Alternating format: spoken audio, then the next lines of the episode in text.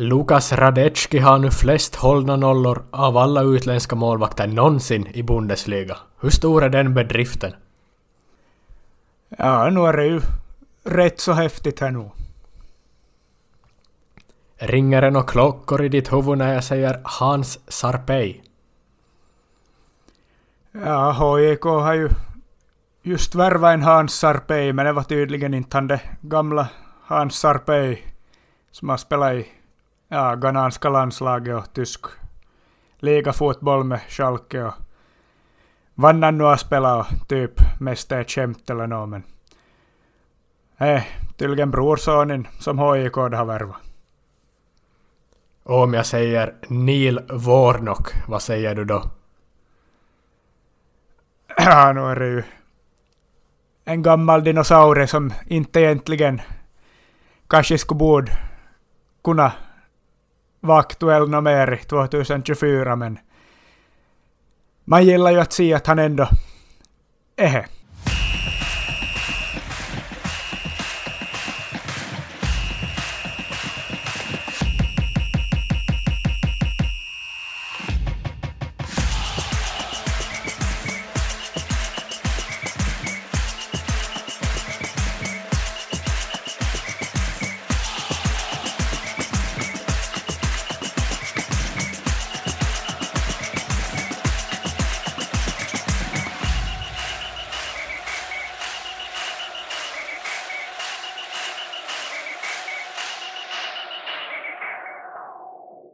Dags för nytt avsnitt ännu en gång.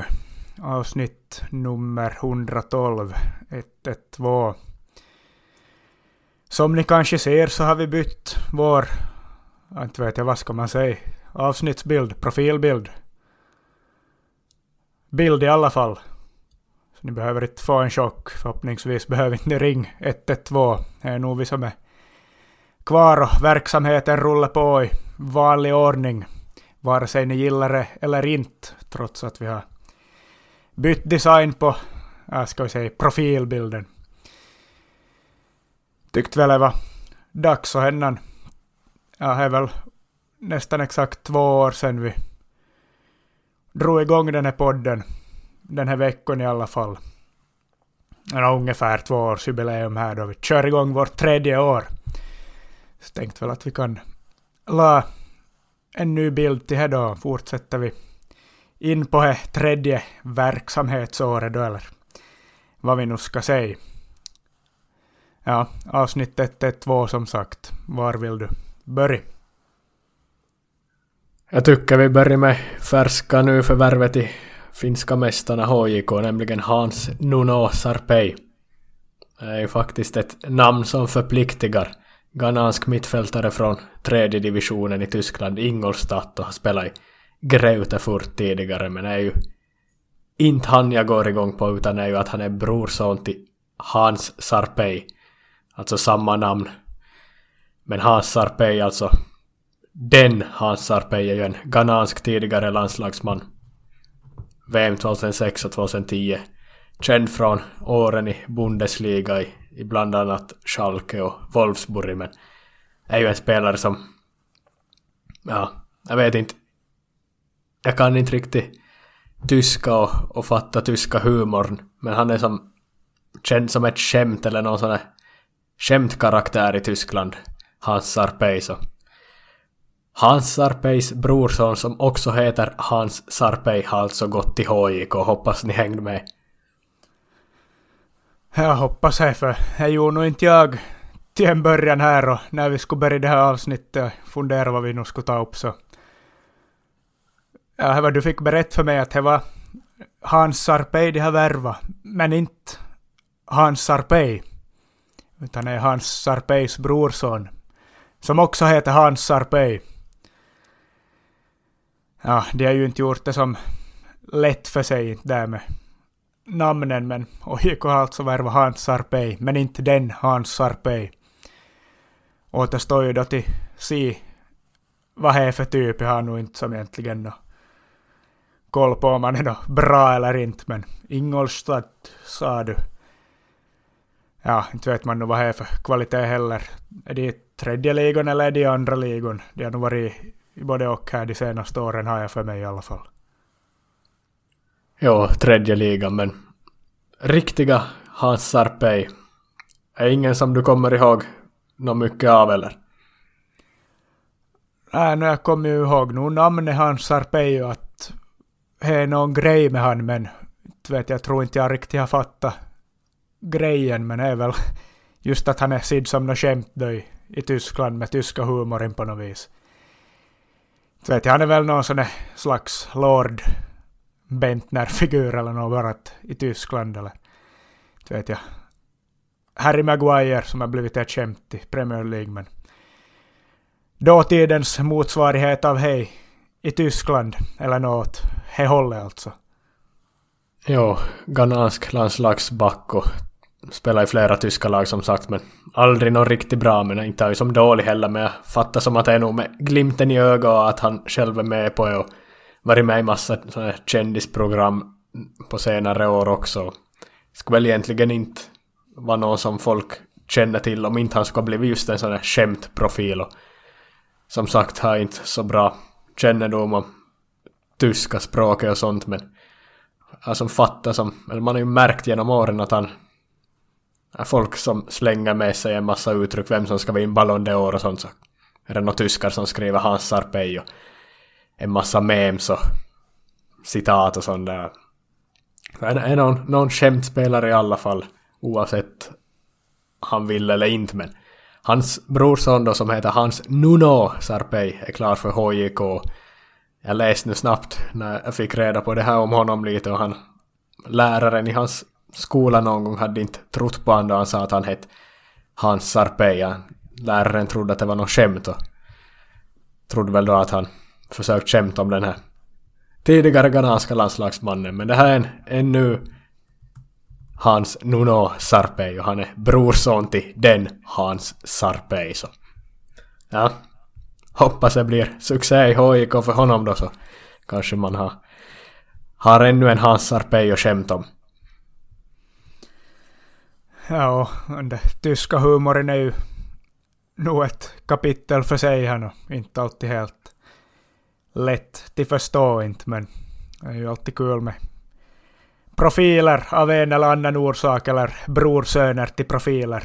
Räcker väl ganska långt det också när det överlag är ganska fattigt med profiler i vår finska inhemska fotbollsliga.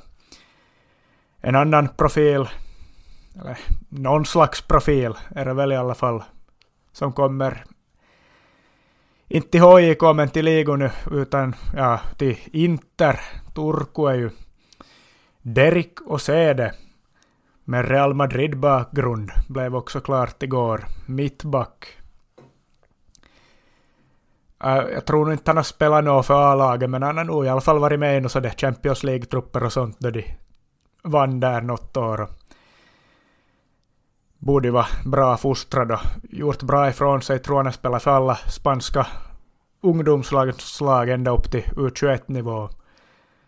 Kanske han var med och vann någon VM eller EM-turnering med de då, jag vet inte riktigt men verkar ju vara en med ganska bra bakgrund som kommer till Inter sen från Ja, jag blev, väl, jag blev ju som inte att han slog igenom i Real, men han har spelat i, i Bolton tre säsonger och spanska andra ligon en del. Och, ja, inte vet jag var allstans inte, men karriären verkar ju nog ändå ha gått neråt och neråt och neråt om man ser på kurvan. Och nu senast kommer han från ett korttidskontrakt i irländska andra ligon. Vilket, ja, inte världens högsta nivå här, men ja, därifrån var han med och hjälpte hela laget han var i att stiga till högsta ligan i och för sig, men ändå irländska andra ligan. Så visst, här är Real Madrid bakgrund, men det finns väl en orsak till att han hamnar i Finland ändå, som med alla andra spelare som hamnar här och någon gång har varit bra eller något sånt. Men ändå lite spännande och borde kunna vara en mittback av någon slags kvalitet i Inter. Och en spelare som inte vi får se i finska ligan är ju Urho Nissilä som, som sen han lämnade sitt sydkoreanska lag i somras har varit klubblös men det blev inte någon återkomst till cup så, ja såklart ville han vara ute i världen ännu men det blev ungerska ligan och Viktor Orbans kontroversiella klubb då, Puskas Akademia, nu grundad, eller relativt nygrundad klubb där som Ungerns starke man har som, vad ska vi säga, leksak. Lite märklig flytt faktiskt. Jo, no. Jo, faktiskt nog. Det har varit märkliga år för Nissila på sistone känns det som. Gjort det bra i, i Kups alltid när han har varit där, men så har han ju varit i Sydkorea och blandat och gett. Och så, han var ju som halva säsongen i Kups, men skulle flytta vidare då sen i somras, men han flyttade väl aldrig någonstans. Han har varit klubblös sen dess typ i princip, eller hur han nu har varit. Jag har inte riktigt hängt med där, men det är som nog var rätt märkligt år eller märkliga månader för han och nu landar han då i, i Puskas Akademia. Väl nog vissa som trodde att han skulle komma tillbaka till Kups ännu en gång, men så blev det ju inte då tyvärr. Det skulle väl nog ha varit roligare än det här Orbanslaget i Ungern. Det går väl kanske att jämföra lite med Istanbul Başakşehir som är Erdogans leksak i Turkiet. Att det, ja, på något vis liknande, inte vet jag exakt hur inblandade den Orban är i det laget, men nu är det väl ganska starkt nu. De har ju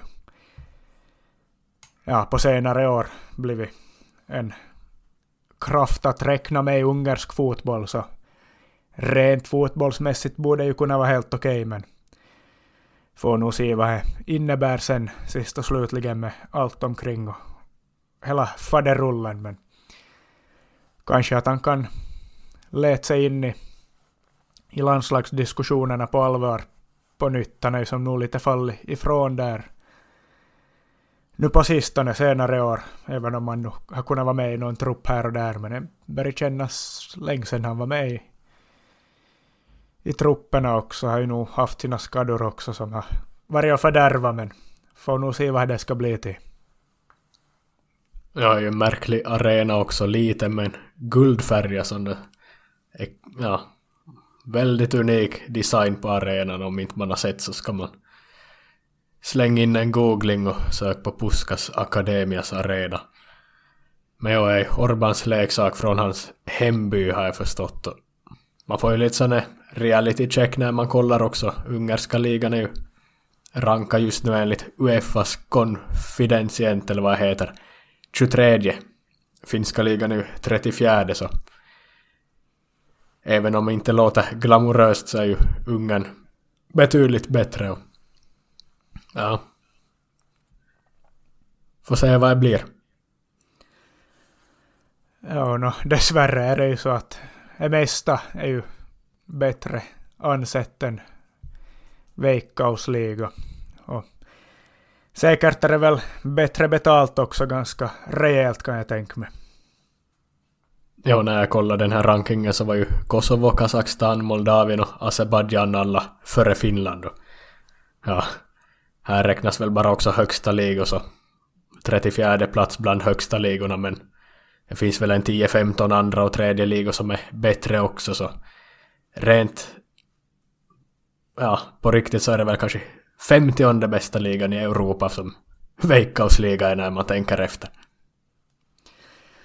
Ja, jag kanske bäst inte tänker efter egentligen för det är ganska sorgligt när man börjar fundera på saken. Jo, men avtryck ut i världen då. Marcus Fors och Pohjanpalo gör mål igen, men inte nå desto mer att säga om det. Men mer att säga kan vi väl ta upp om Lukas Radecki som nu är bästa målvakten någonsin, bästa utländska målvakten någonsin i Bundesliga om man kollar på antal hållna nollor. 80 stycken nu på 280 matcher och är faktiskt en en stark prestation. Man kan säga vad man vill om olika sådana rekord. Man kan göra rekord av allting men det är ändå en ganska stor milstolpe får vi säga. Ja, no, nu är det ju här nog. Jag tänkte faktiskt när jag sa det här att man skulle kunna försöka dra ett quiz på dig att, av av de målvakter mest, mest nollor i, ja av alla målvakter, också tyska och inte bara utländska men ja, där var ju bara tyska och det var ju nog de här ganska självklara Neuer och Oliver Kahn och ja, Sepp Maier och Jens Lehmann och de händerna.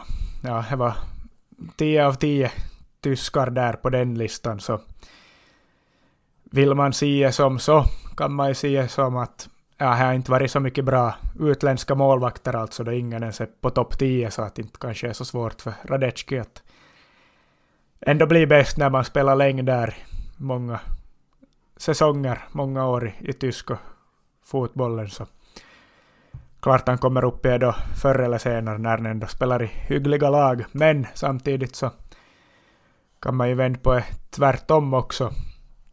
Man vet ju ändå, ja, tyska målvaktsskolan är ju som en ganska stark, kanske världens bästa, i alla fall en av de absolut bästa i hela världen. Så att slå sig in som utländsk målvakt i, i tysk fotboll och tyska ligan då är ju inte lätt då. I och med att alla lag egentligen skulle kunna ha en tysk bra målvakt, en inhemsk bra målvakt, så krävs väl mycket som utlänning då för att de ska ändå kunna lita på en och, och våga ge en förtroende så det är många säsonger och förtroende har han ju nog verkligen fått både, eller först i Frankfurt och nu i Leverkusen då där han är kapten och de är obesegrade ännu.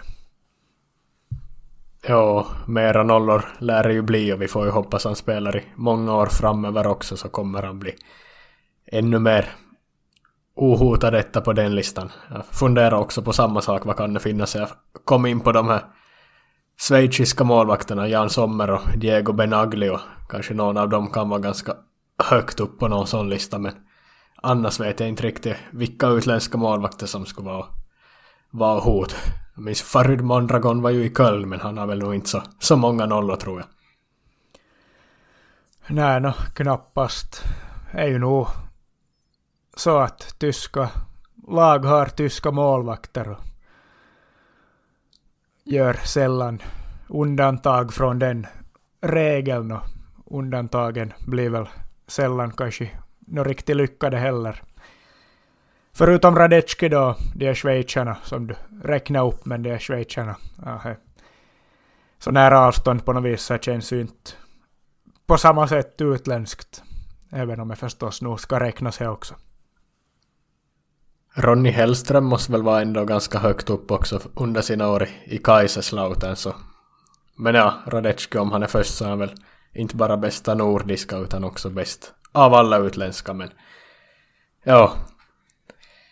En annan grej jag tänkte ta upp var ju att det är så att en finsk spelare har fått en helt vad ska vi säga galen är nästan milt sagt men ja, vi nöjer oss med galen tränare här i början. Neil Warnock, Rickard Jensen i Aberdeen får Neil Warnock som tränare. 75-årig profil. Fullständigt galen. Ökänd karaktär. I engelsk fotboll. Han går till Aberdeen i Skottland och tar över som interim för resten av säsongen och ja, man trodde ju, eller man har trott flera gånger att han, nu slutar han, nu slutar han, men sen har han gjort någon comeback i något lag och nu ska faktiskt en finsk spelare från Borgo få han som tränare och är ju faktiskt är helt galet. Ja, han lär nog få mycket bra storyn till dra i framtiden. Jensen alltså, om Warnock. Han börjar ju nog vara som sista av den här gamla skolans tränare som ännu får faktiskt uppdrag. Inte har ju... Ja, inte vet jag vad finns ännu de här Allardyce och Mick McCarthy och Pardew och Tony Pyllis och de här. Inte har de ju riktigt något några klubbar och har inte haft. Ja, no, Allardyce fick ju för ungefär ett år sedan väl försök hålla Leeds kvar i Premier League men misslyckades väl med det.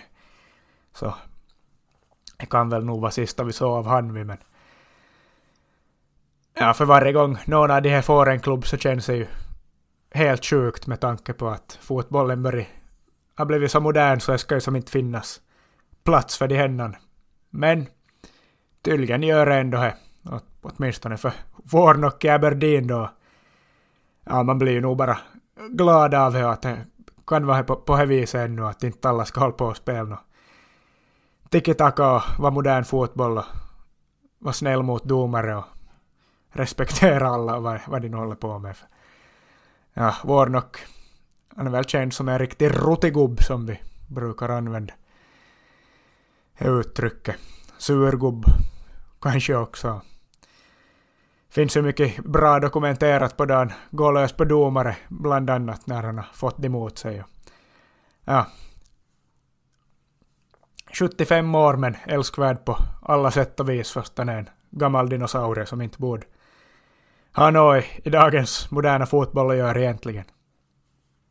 Roy Hodgson ska vi väl också säga aktiv ännu men han är ju mer en sån som tar åt sig nu, nya metoder. Men Neil Warnock han är nog en dinosaurie som du beskrev han som tidigare, men är nog faktiskt... Han, gillar ju när folk visar fingret åt honom, han, han drivs ju bara mer och mer då, men jag kollar faktiskt upp, eller jag börjar fundera, har någon finsk spelare någonsin haft en så här galen tränare? Det vet jag inte, det kan finnas olika såklart, men har någon haft Neil Warnock? Och då hittade jag faktiskt, det finns en spelare som har haft han, vet du vem? Nej, men jag har för mig att det skulle kunna vara Chef Kikuchi från då, ja inte vet jag, någon av klubbarna har varit ner i seriesystemet i England i Championship någon gång, så här är nog min gissning här. Jo, Chef Kikuchi, Crystal Palace. Och ja, han Vorno lagade ju faktiskt bort han. Han kastade ut han från klubben i ett skede för han... Det gick ju någon rykte om att Gucci hade visat fingret åt hemmafansen när han blev utbytt. Han blev väl lite utbuad, det hade varit gått så dåligt och han hade varit dålig men... Det lär ju inte vara sant det. Gucci menar att han, han bara viftade med, med händerna men han aldrig visade fingret. Men Warnock hade då sagt att ja, du visar fingret åt fansen så nu får du två veckors lön borttagen. Du får inte ens träna med juniorerna och du blir transferlistad också. Beskrev han att han inte heller i tillräckligt bra form fast han har själv sagt att han var bäst, i bäst form i hela laget så Warnock, han tog han valde att peka ut Kutsi som en syndabock och, och transferlista han får han väl på lån till något annat lag men kom väl faktiskt tillbaka och fick förtroende av Warnock senare något år senare faktiskt men han har faktiskt haft Warnock alltså. Ja, och Warnock, han tar ju inte nå skit han inte. Och det är väl nog ett ganska gott exempel på det.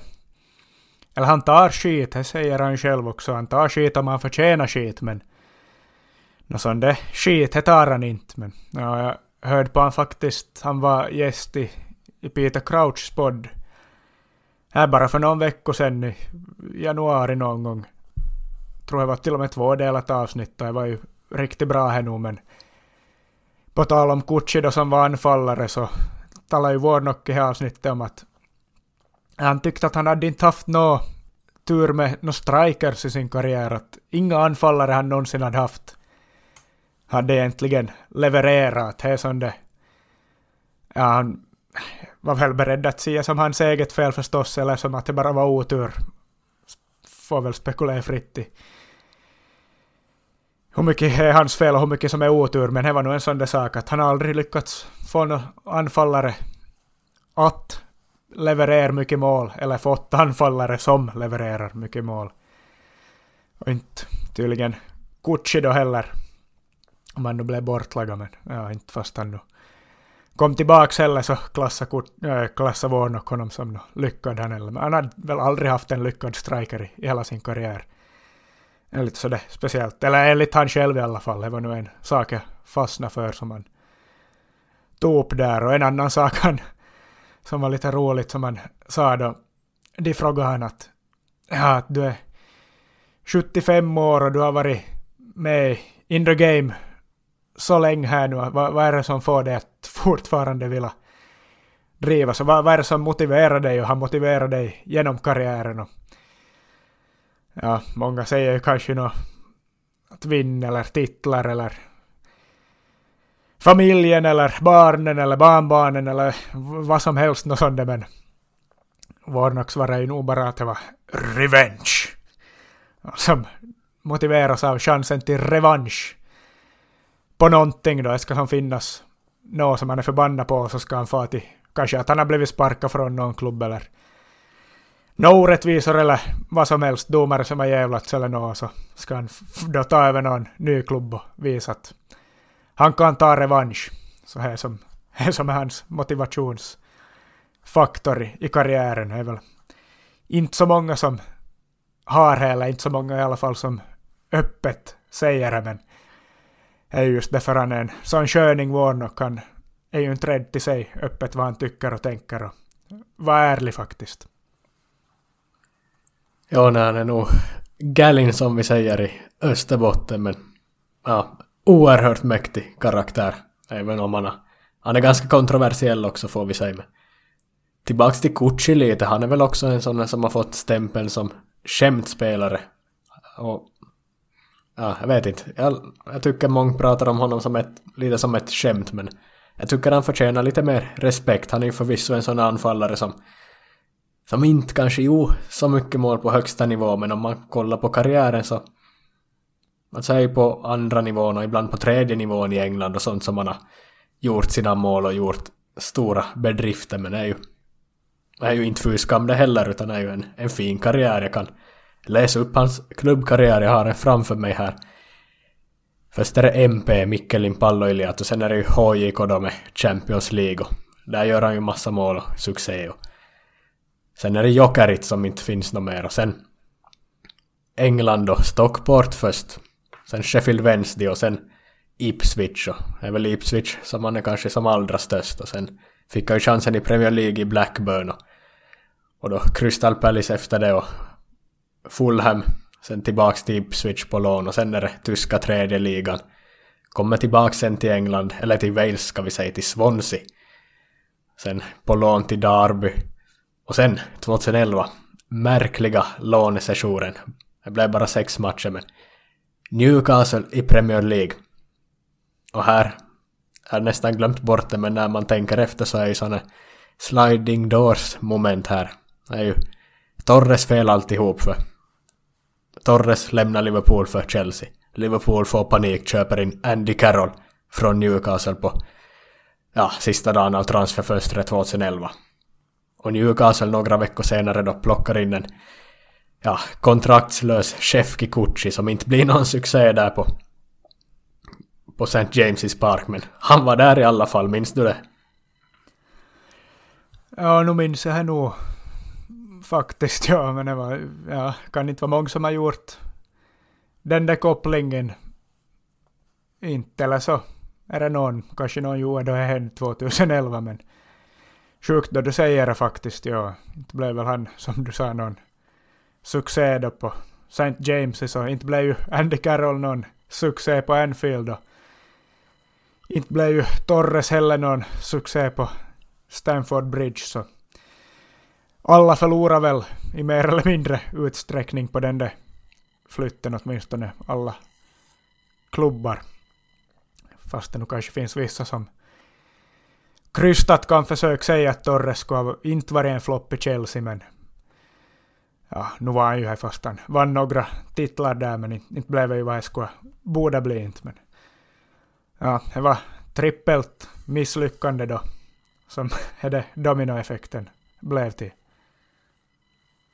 Ja, det var väl det som Chelsea var jättepinsam grej där man skulle... Man kopierade en Liverpool-flagga, målade om den till blå, men då hade man ju som man visste inte vad symbolerna, detaljerna i flaggan betydde. Det var ju Shankly Gates utanför Anfield som Chelsea kopierade och hängde upp på Stamford Bridge. sa jag nog. Där har vi en pinsam klubb. Ja, nej, jag säger väl nog det mesta om Chelsea och deras supporterskap. Men det var ju ett försök till att ha något annat än de här utdelade plastflaggorna i alla fall, så det är väl försöket som räknas. Ja, och sen gick ju Gucci vidare till Oldham där han gjorde en, en sista svansång då och sen Hibernian innan han kom tillbaks till, till Finland. Då.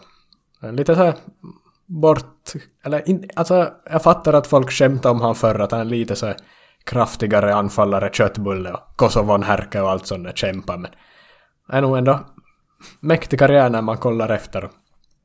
Målgesten var ju speciell.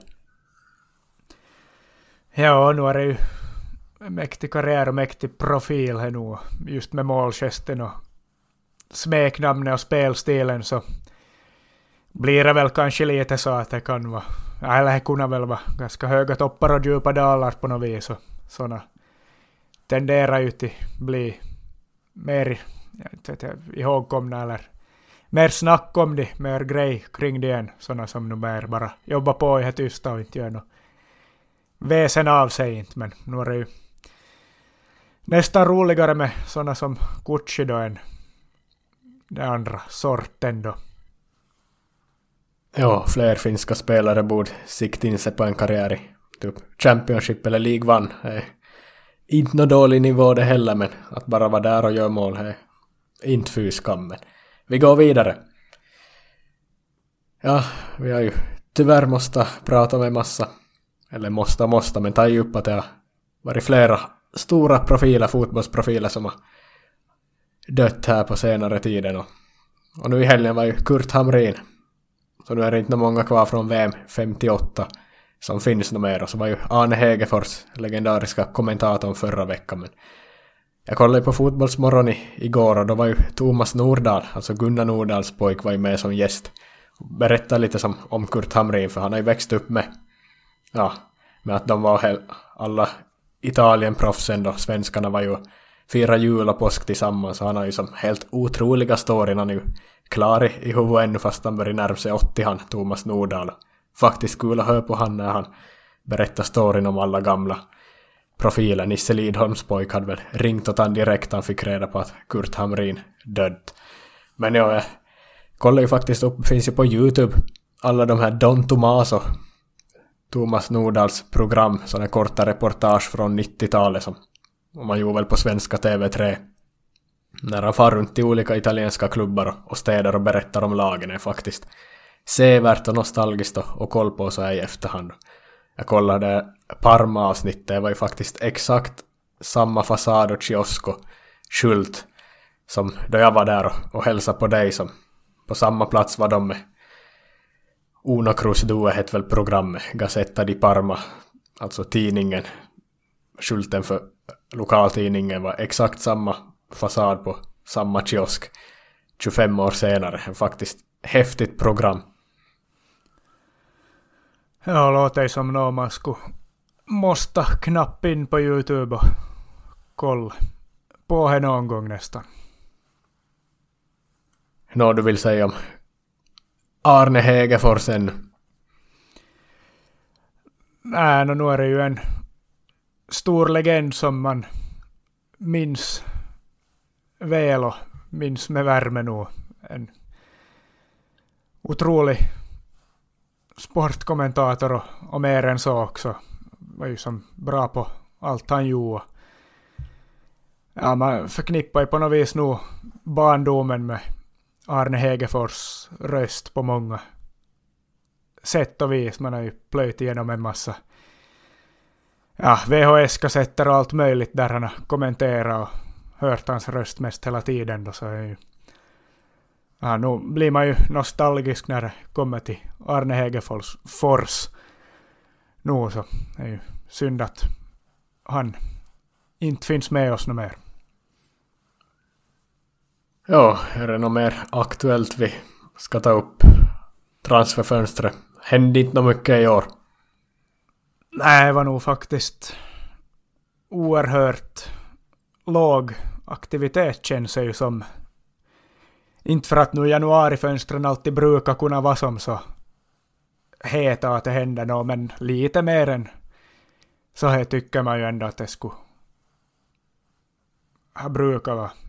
Som inte riktigt nå stort eller någon bombens, inte ens en liten bomb nästan som har skett vad jag nu kommer på sig rakt av, men det är väl som var Christian Borell som sa att det är väl ett tecken på att sportcheferna ute i Europa har skött sig väl då när de har byggt trupperna inför säsongen då, att de inte som har behövt ta till några paniklösningar här i januari då. Det är ju ändå vad januarifönstret är ju som främst ett ja, reparationsfönster eller att man måste fixa som behöver fixas i laget. Inte ska man ju eller man ska väl akta sig från att göra stora värvningar i januari, faller väl sällan bra ut. Men ja, det är väl ett tecken på att sportcheferna ute i både Europa och världen har skött sig här då, att säsongsplaneringen har, har gått bra. Inte kanske nog ändå heller så många som har åkt på allvarliga skador som de känner att de behöver ha några korttidslösningar på heller. Eller ja, säkert finns det typ Real Madrid har ju hela backlinjen och målvakterna och alla är typ korsbandsskadade men ändå har de som valt själva att inte ta in någon. Egentligen, Kepa tog det ju in i somras som målvakt men han har ju knappt fått spela. Han, då Lunin har spelat som vi var inne på för någon månad sedan. Men ja, lite mer tycker man ju nog att man brukar se. Och jag tyckte jag såg någon statistik på det också att ja, till och med Premier League som spenderar hejvilt alltid, att till och med de har spenderat mycket mindre än vad de brukar spendera. Vad jämfört med fjolåret eller för två år sedan så jag minns inte de här exakta siffrorna, men det var det att Premier League ska spendera 800 miljoner för ett eller två år sedan i januari, som alla lag tillsammans. Och nu i år var det väl knappt över 100 miljoner, eller just över 100 miljoner, någonting sånt. Gick väl upp kanske på deadline day till ja, en bit över 100 miljoner. Men om de siffrorna stämmer så säger jag ju nog ändå ganska mycket om det här transferfönstret. Det har nog varit ovanligt låg aktivitet och kanske till och med att transfersummorna är på väg neråt till och med. Man kan ju alltid hoppas, men nu har till och med Premier League då ungefär lika mycket spenderat som de andra ligorna. Serie A, Bundesliga, La Liga och franska ligorna. Och det här.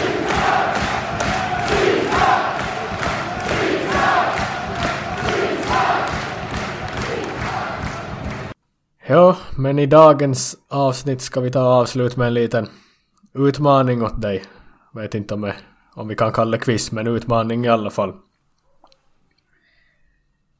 Jag tänkte nämna, jag har väl en lista på er en 12-13 spelare någonting, i alla fall mer än 10 som fotbollsspelare som jag, jag kommer säga namnet och sen kommer du giss eller säg var denna spelare håller till idag. För är vissa som man har glömt bort eller som inte man har koll på eller som man mitt i allt kollar någon laguppställning. Är han där eller har han farit dit och när har han farit dit och sånt. Och jag fick den här idén egentligen för, för tre veckor sedan när jag såg att Arturo Vidal gick hem till Colo Colo i Chile och tänkte skulle göra en sån utmaning och se om du har koll på han. Och jag var ju först i hela Finland och, och vet om det kändes det som, men nu väntar jag ju för länge med det här quizet, för nu vet ju hela världen det för alla har ju sett när han rider på häst och kommer med helikopter. Och det är en fin cirkel som sluts när Vidal gick hem till Colo Colo i Chile, men han måste jag tyvärr stryk från den här listan då, för han har ju ingen missat att han, var han spelar nu. Men jag kör vidare med de andra namnen i alla fall. Och du får helt enkelt säga om du vet vad han spelar eller gissa och så drar vi facit sen. Det kommer vara både... Alltså många har du nog koll på, men vissa så kan faktiskt vara svåra och knepiga. Men vi börjar med Daily Blind, holländska backen. Ja, jag tänkte faktiskt säga att när du tog upp det här sa vad jag skulle gå ut på om, just Vidal och hans sjuka presentation i Colo Colo med helikopter och kungakronor och mantlar och hästar och allt vad han nu red på. Så. Ja, inte hade man ju missat han inte, men Daily Blind, inte han i, eller han är ju i Gerona nu som gör succé i La Liga. Ja, gick dit i somras, var väl i Bayern på något korttidskontrakt för några år sedan. Och var i, man trodde ju då han lämnade man United att han skulle vara i Ajax hela karriären, men Ja, på ålderns höst så går han till spanska ligan, Girona. Där hade du rätt. Nästa spelare. Nicolas Pepe, alltså ivorianen som Arsenal köpt för en rekordsumma var 2019 för 80 miljoner eller någonting som floppa i Arsenal får vi väl ändå säga. Var spelar han nu för tiden? Ja, här kollar man ju just faktiskt upp tror jag. I och med att han har spelat för Elfenben i Afkon. Så, ja, Elfenben var vi ju inne på senast, att de inte hade några tränare och sparka tränaren mitt i turneringen. Men ändå är de nu i semifinal på något mirakulöst vis i, Afkon och spelar imorgon och kan gå till finalen. Skulle vara sjukt men Pepe är ju en del av he Elfenbenskustens laget. Jag tyckte att jag som tryckt på hans namn då på typ Sofascore eller något, men var var han hade hamnat? Var är... Han kom ju från franska ligan till Arsenal och så får han väl tillbaks till franska ligan så är han kvar där i typ Nice eller något sånt. Eller så är han i Turkiet skulle också kunna vara ett alternativ. Skulle kunna vara Trabzonspor typ till och med. Nej, nej men äh, antingen franska eller turkiska ligan, men jag drar till med franska ligan ändå. Nice är det väl inte, men... Ja, kan det vara typ Reims? Äh, ja, är faktiskt Trabzonspor, så du har faktiskt varit in och kollat, men du hade inte memorerat tillräckligt. Men... Ja, du var in på rätt spår. Nästa spelare. Nemanja Matic. jag tar nog nästan det som är trött på Pepe i och med att jag var fingra på Trabzons spår. Men Matic då, ja, han tyckte jag man skulle ha sett några rubriker om också att han var missnöjd eller något, så att han ville flytta, eller kanske han just flytta någonstans. Han är ju franska ligorna, han har ju varit Ja, i Rennes har han ju varit nu på sistone. Kanske att han är kvar i Rennes då. Ja, han gick till Rennes i somras men har just gått över till Lyon. Så ja, du var rätt på spåren. Du är ganska uppdaterad hittills. Ja, det var väl det jag hade läst då att han typ blev missnöjd med något i Rennes och så flyttade han till Lyon, ja just det. Och krisande Lyon. Men det är väl bara att titta nästa spelare då.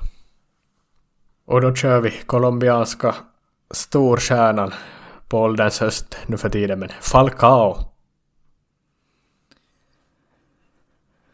Ja, han var ju i Rayo Vallecano i fjol, men jag tycker man inte har hört något av honom. Inte riktigt sitt på Rayo nå den här säsongen heller, men jag chansar väl att han är kvar i, i Rayo om han nu inte har flyttat till arabvärlden eller något. Jo, jag tänkte köra en kuggfråga för han är faktiskt kvar i Rayo men jag tänkte att du skulle tänka att han har flyttat men och inte han spelar någon särskilt mycket i år inte men. Nästa spelare, Connor Cody. Tidigare Wolverhampton-backen. Sju säsonger och över 300 matcher i, i Wolves. Det har ju gått helt bra hittills det Cody, alltså han får ju till Everton. Var ju där ännu i fjol. Spelade väl då vi var och kollade Liverpool-Everton för ungefär ett år sedan. Om inte jag missminner mig. Men vart har nog för mig att man skulle ha haft det här också i huvudet men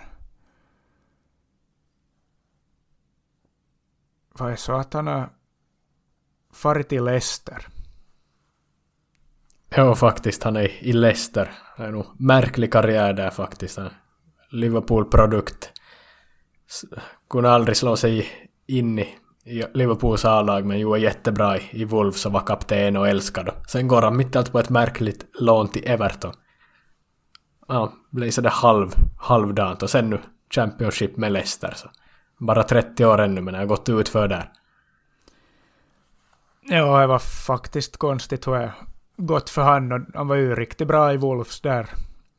Under portugisåren deras där då de var ganska bra, eller bättre än vad de är nu, fast de har varit helt okej ibland. Men ja, ryktades ju till och med att Liverpool skulle ha varit intresserade av att värva i, i något skede som kan det ha varit då vi hade mittbackskrisande säsongen då alla var skadade. jag var ju starkt före då i och med att ja, han är ju Liverpool-fan och Liverpool-produkt. Vuxit upp som Liverpool-supporter. Så, och plus att han var bra då på den tiden så jag skulle ha varit för att ta in honom. Åtminstone på något lån eller något sånt men det blev ju inte av och så for han till Everton då helt Ja, det är ju helt oförlåtligt och märkligt men dåligt gick det ju också, eller sämre har börjat gå för honom så man får ju skylla sig själv. Nästa spelare, Vote Weghorst.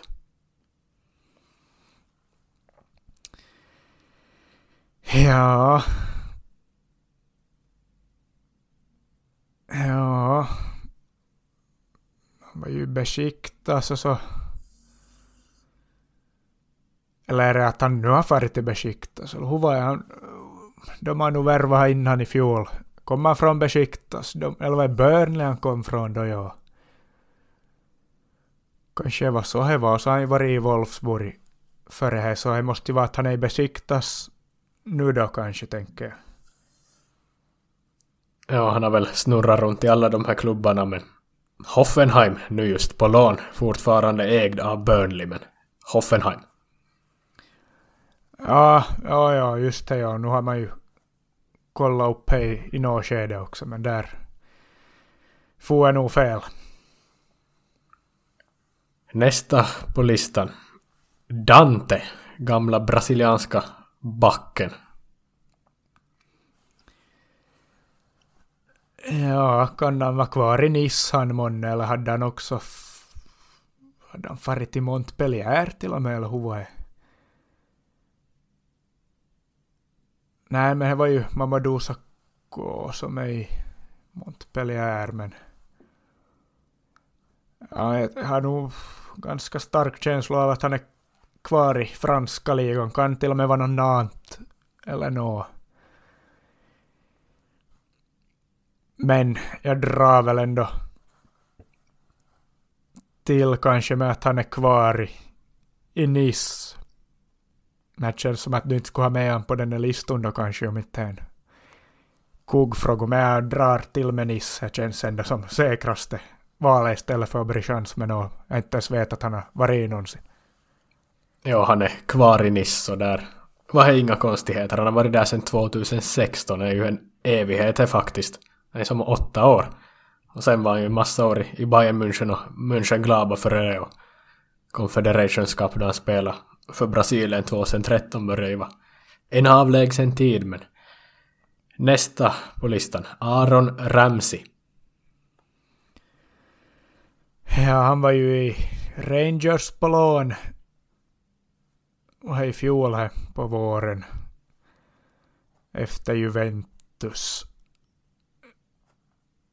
Vad löjligt då han var i Juventus och skulle börja leka italienska och börja spela med strumporna lågt. Eller nerhasade strumpor det tyckte jag inte alls när han skulle komma tro att han är någon, men får han inte Rangers så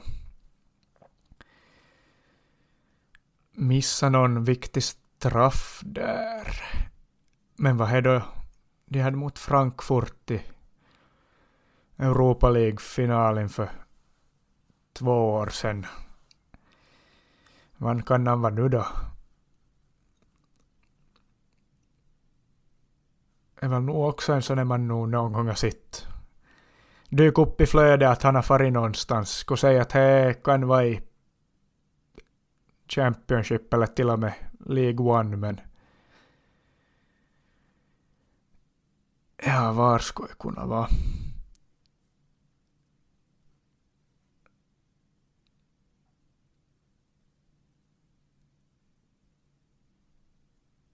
Nej, inte vet jag. Någon, någon svag röst i huvudet säger Plymouth av någon anledning, men det är ju inte rätt.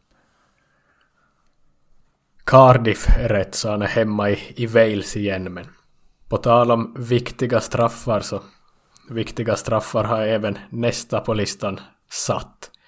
Mer lyckat än Ramsey då. Och nu är det Gonzalo Montiel, han som sköt den avgörande straffen i VM-finalen i fjol för Argentina. Var spelar han? Ja, det är ju Nottingham Forest här. Ja, en av alla som har blivit dit värva sen de steg till Premier League. Kolla faktiskt då de spelade på Bloomfield Road mot Blackpool borta i ett omspel i FA-cupen här för någon vecka sedan.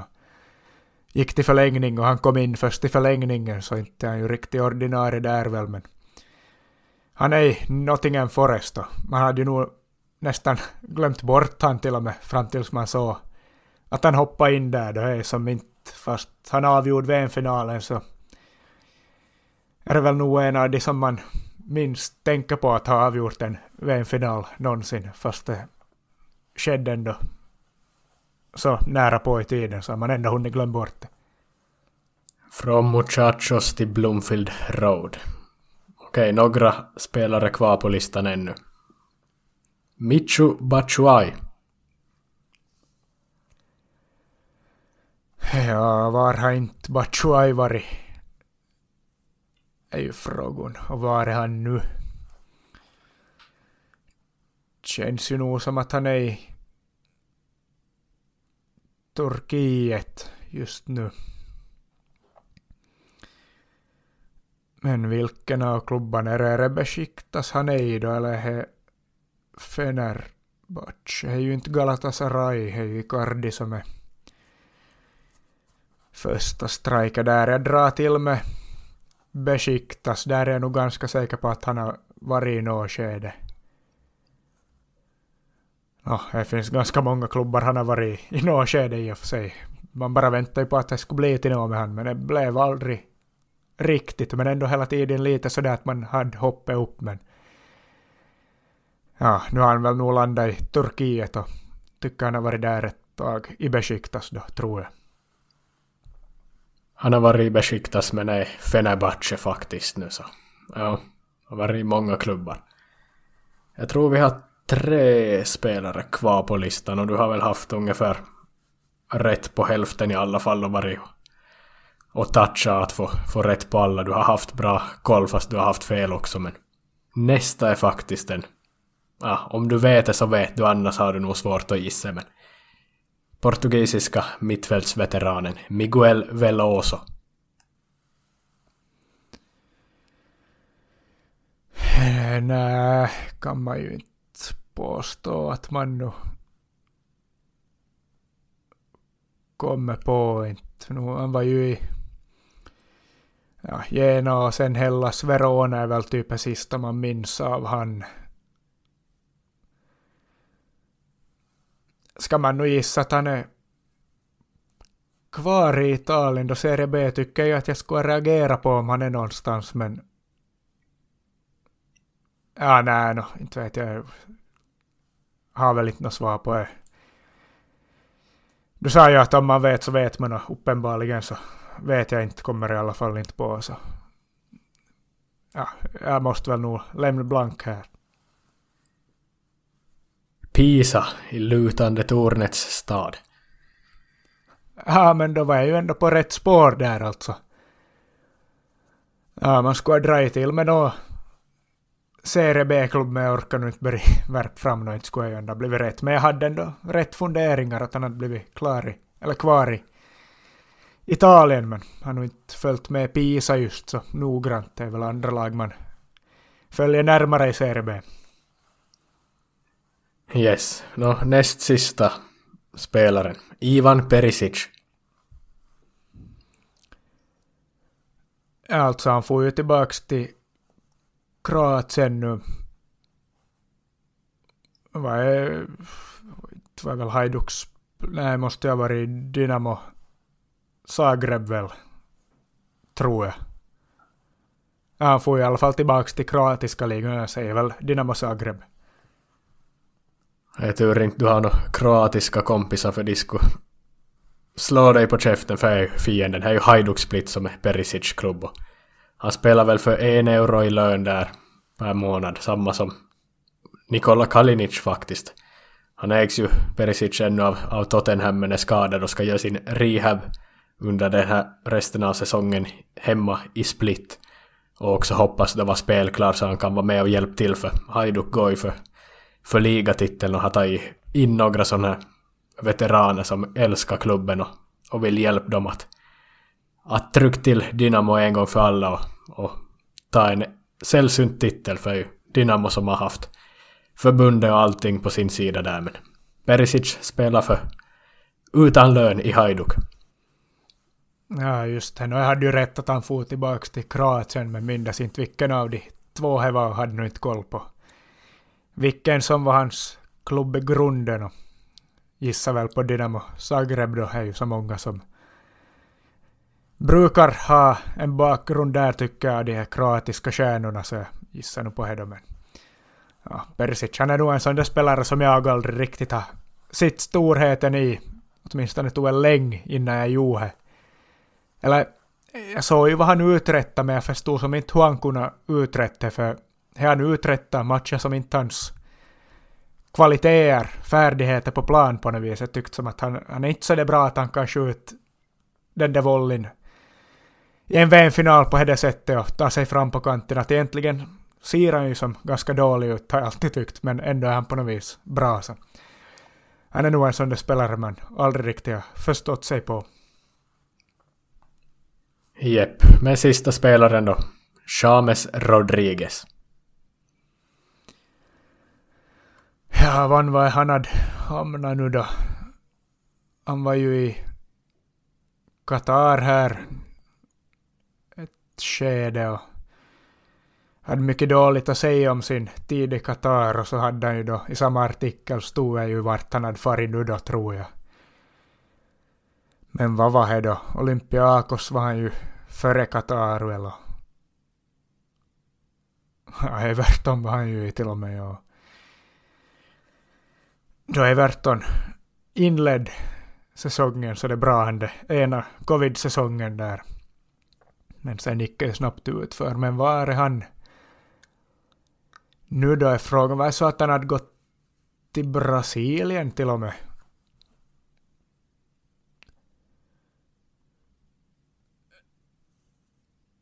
Jag har inte kommit på något annat inte så säger väl att han är i Brasilien men vilken klubb skulle kunna vara frågan om då?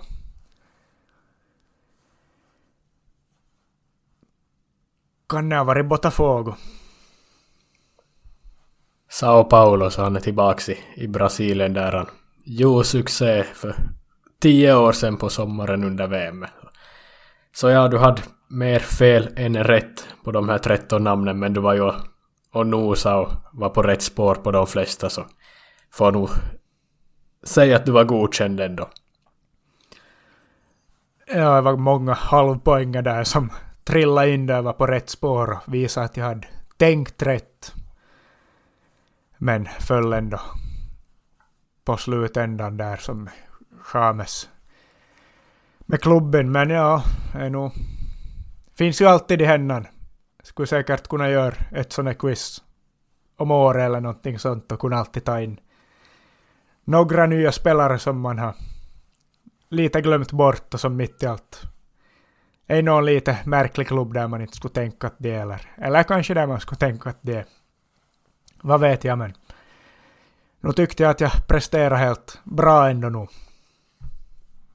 Absolut.